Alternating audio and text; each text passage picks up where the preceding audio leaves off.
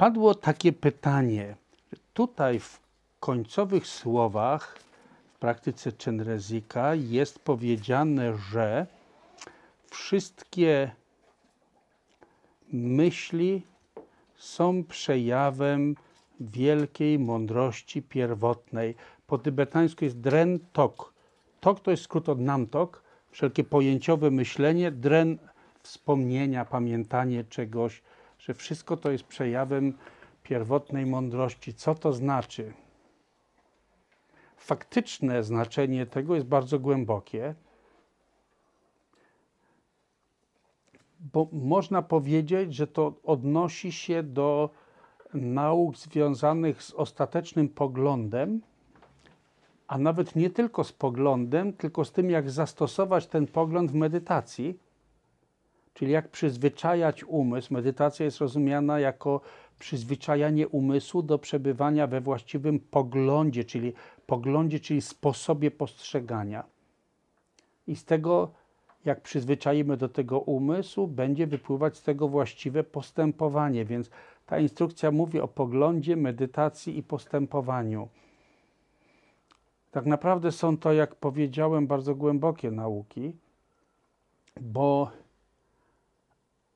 żeby to dobrze zrozumieć, trzeba zacząć od y, zrozumienia, że myśli, wszelkie myśli, wspomnienia, jakiekolwiek zjawiska umysłowe, zjawiska umysłowe, semdjung po tybetańsku, to co pojawia się w umyśle, niezależnie od tego, czy według zasad zachodniej psychologii byśmy to dzielili na jakieś myśli, uczucia, emocje. Nie wiem, czy są takie podziały, nie mam pojęcia o zachodniej psychologii, ale wiem, że w języku potocznym ludzie rozróżniają, czy to jest myśl, czy to jest uczucie, czy to jest emocja, czy to jest myśl.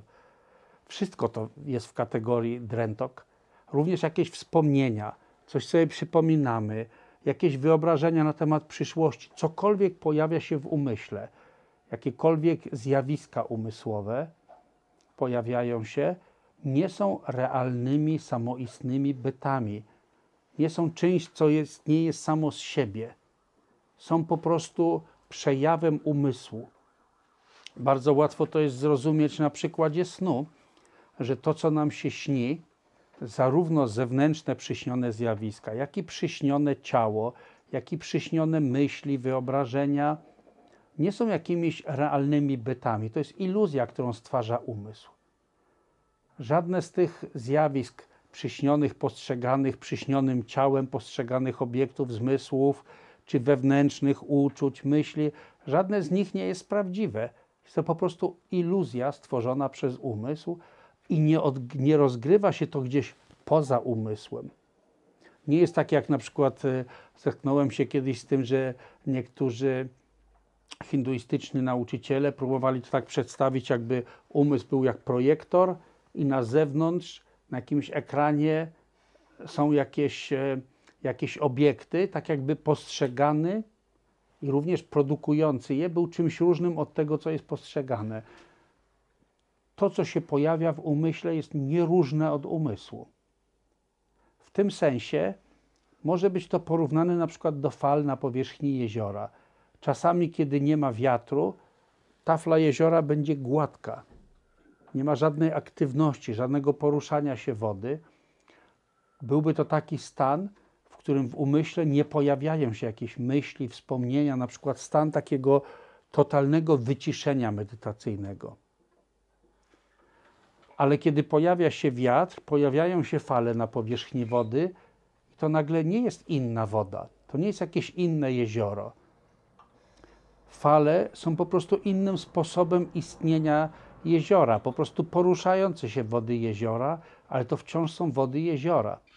Podobnie myśli nie są różne od umysłu, w którym powstają. Jest to po prostu poruszający się umysł. Chociaż oczywiście słowo poruszający się y, może nie należy całkowicie dosłownie interpretować, ale coś się dzieje, jakaś jest zmiana, pojawia się jakaś myśl, jakieś wyobrażenie, jakieś wspomnienie.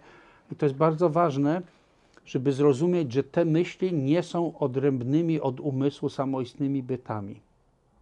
W związku z tym, to cokolwiek się przejawia, jawi nam się jako jakieś odrębne, realne byty tylko z powodu naszego błędnego postrzegania. Wytwarzamy sobie takie poczucie, aha, ja widzę swój gniew, ja widzę swoją irytację. Nie ma żadnego realnego patrząc, patrzącego, który byłby czymś innym niż umysł, nie ma realnej irytacji czy jakiejkolwiek innej emocji, która by była też różna od gniewu. My wytwarzamy taką iluzję, że jest patrzący, że jest coś, na co, na co patrzymy. To jest właśnie ten taki podstawowy rodzaj niewiedzy, ten podstawowy dualizm, który tworzymy na, pew, na skutek pewnych nawykowych, mentalnych skłonności. Po prostu inaczej nie umiemy przeżywać, jak tylko w kategoriach ja coś przeżywam. Ale to nie jest ostateczna natura, to nie jest prawdziwa natura.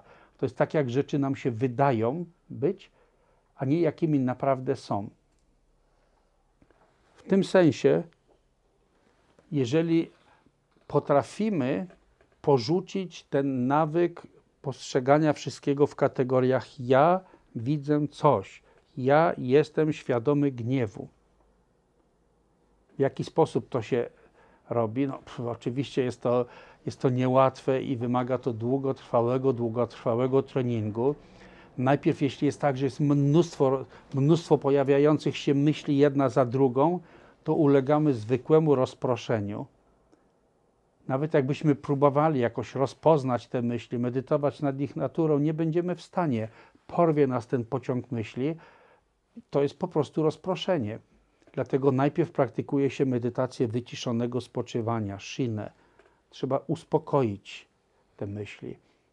W zwykłych metodach, w zwykłej ścieżce Mahajany mówi się wręcz, że należy doprowadzić do całkowitego uspokojenia tych wszystkich fal, doprowadzić umysł do stanu spoczywania całkowicie w stanie wyciszenia. Że wtedy będziemy w stanie zobaczyć, jaka jest prawdziwa natura umysłu. W tradycji Mahamudry, tak jak jest ona prezentowana w tradycji Kagyu, doświadczenie mistrzów przeszłości pokazuje, że jeżeli jest bardzo uzdolniony uczeń i dzięki oddaniu jest otwarty na błogosławieństwo, błogosławieństwo, które płynie z urzeczywistnienia nauczyciela, błogosławieństwo czy taką inspirację, to nie musi się doprowadzać tego do momentu całkowitego spełnienia shinę. Ale do tego, żeby przynajmniej uspokoić umysł na takim etapie, że tych myśli, do tego etapu, że tych myśli będzie o wiele mniej, mniej intensywne, i wtedy już będziemy w stanie spoglądać w ich naturę nie musimy ich całkowicie wygaszać, tylko będziemy w stanie spoglądać w ich naturę. Jeśli się tego nauczymy, to oczywiście w tej chwili nie ma specjalnie miejsca i czasu, ale ty akurat e, też nauk o, o wglądzie, o laktong e, słyszałaś, praktykowałaś e, dużo, także to tylko nakierunkowuje, które tutaj, który, może powiedzmy, rodzaj instrukcji ma tutaj zastosowanie.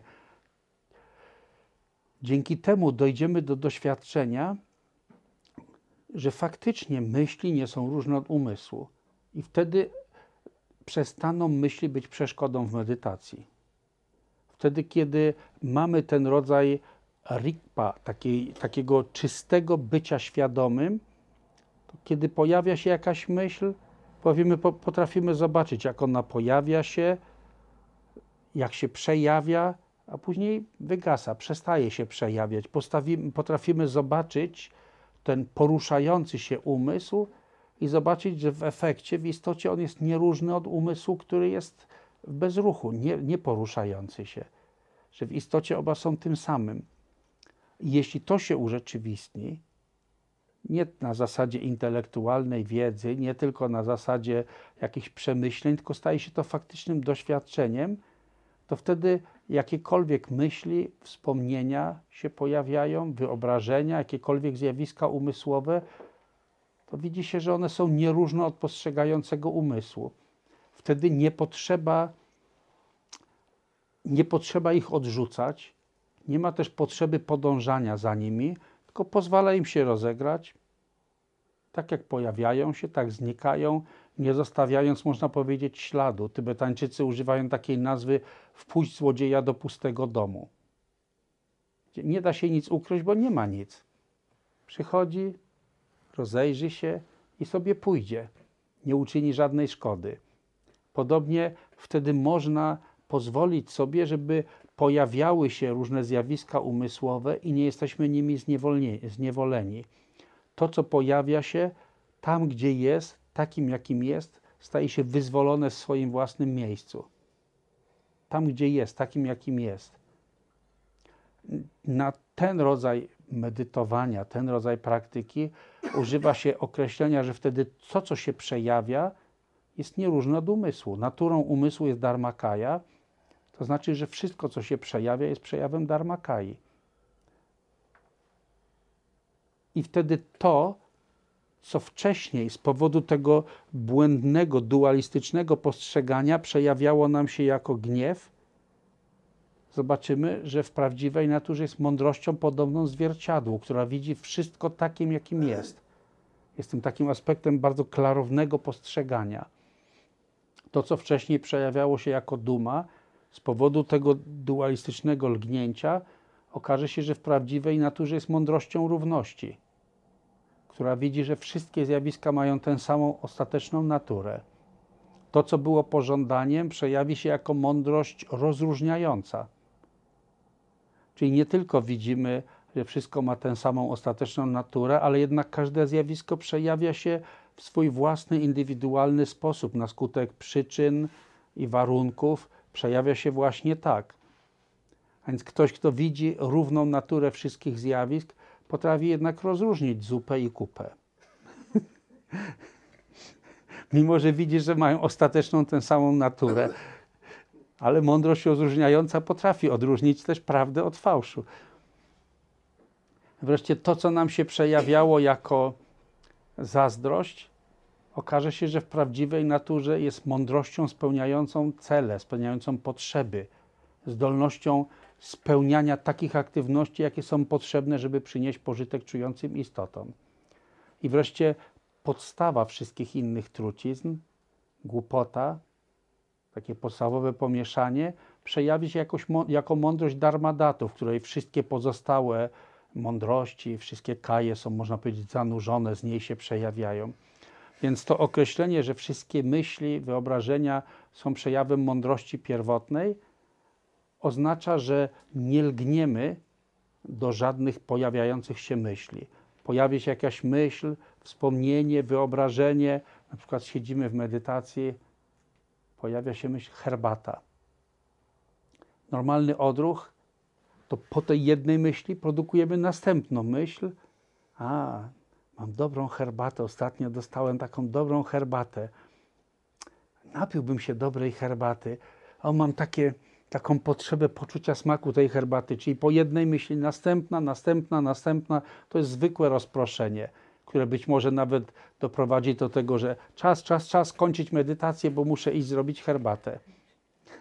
Jeżeli potrafimy medytować, tak jak tu jest powiedziane, wówczas pojawia się myśl herbata i ani nie podążamy za nią, w sensie nie budujemy następnej myśli następnej, ani nie mamy potrzeby jej odrzucania, blokowania, nie, nie mam myśleć o herbacie, niech nie myślę o herbacie, tylko po prostu widzimy samą istotę, samą esencję. Myśl herbata. Pojawiła się, tak samo jak się pojawiła, tak samo zniknie. Pojawiła się skąd? Z umysłu. Przejawiając się nie jest niczym niż, innym niż umysłem. Znikając nie powędruje donikąd, jak tylko po prostu rozpuszcza się w umyśle umysł przestaje się poruszać w tym kierunku. Jeśli tak potrafimy medytować, to wtedy wszystkie myśli, wyobrażenia są przejawem mądrości pierwotnej. Są przejawem, tu mądrość pierwotna, można powiedzieć, jest to synonim tej e, wrodzonej natury Buddy, czystej natury umysłu. Jest wiele słów, które to opisują.